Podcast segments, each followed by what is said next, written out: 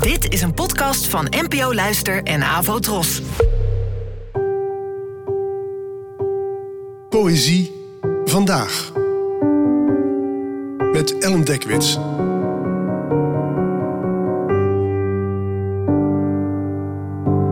Hallo, fijn dat je luistert. Het gedicht van vandaag heet Aarde, wees niet streng en werd geschreven door de Nederlandse dichter Menno Wegman, geboren in 1966 en gestorven in 2018.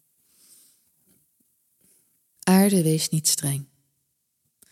Aarde, hier komt een eerzaam lichaam aan, waarin een magistrale zon is opgegaan.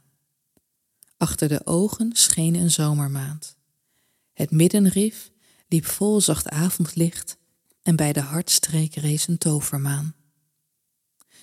De handpalm voelde water, streelde dieren, de voeten kusten stranden, kusten steen.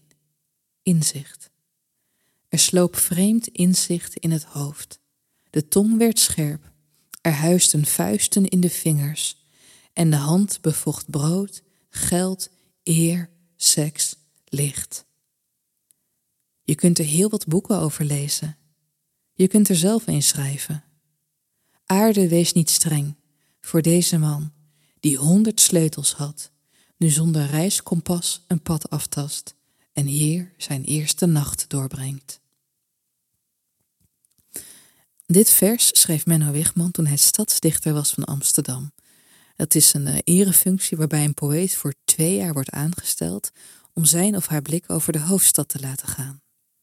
En daarbij kan zowel de hele metropool worden bezongen of, zoals bijvoorbeeld hier, de dood van één enkele bewoner. In dit geval een man die een zogenaamde eenzame uitvaart kreeg. Iemand die dus geen nabestaande had en voor wie Menno Wigman een gedicht schreef, zodat tenminste nog één iemand bij zijn verscheiden stilstond. En dit is maar één van de versen die Wigman maakte over de hoofdstad. Allemaal momentopnames van hoe de stad er begin 21ste eeuw bij lag, zoals de schilderijen van bijvoorbeeld Rembrandt of Jacob Israëls dat er zijn voor het Amsterdam van de 17e of de 19e eeuw. Wigman maakte kleine stadsgezichten van taal. En dat hoop ik zelf ook te gaan doen, want eind deze maand word ik geïnaugureerd als de nieuwe stadsdichter van Amsterdam. En dat zal voor deze podcast verder geen consequenties hebben.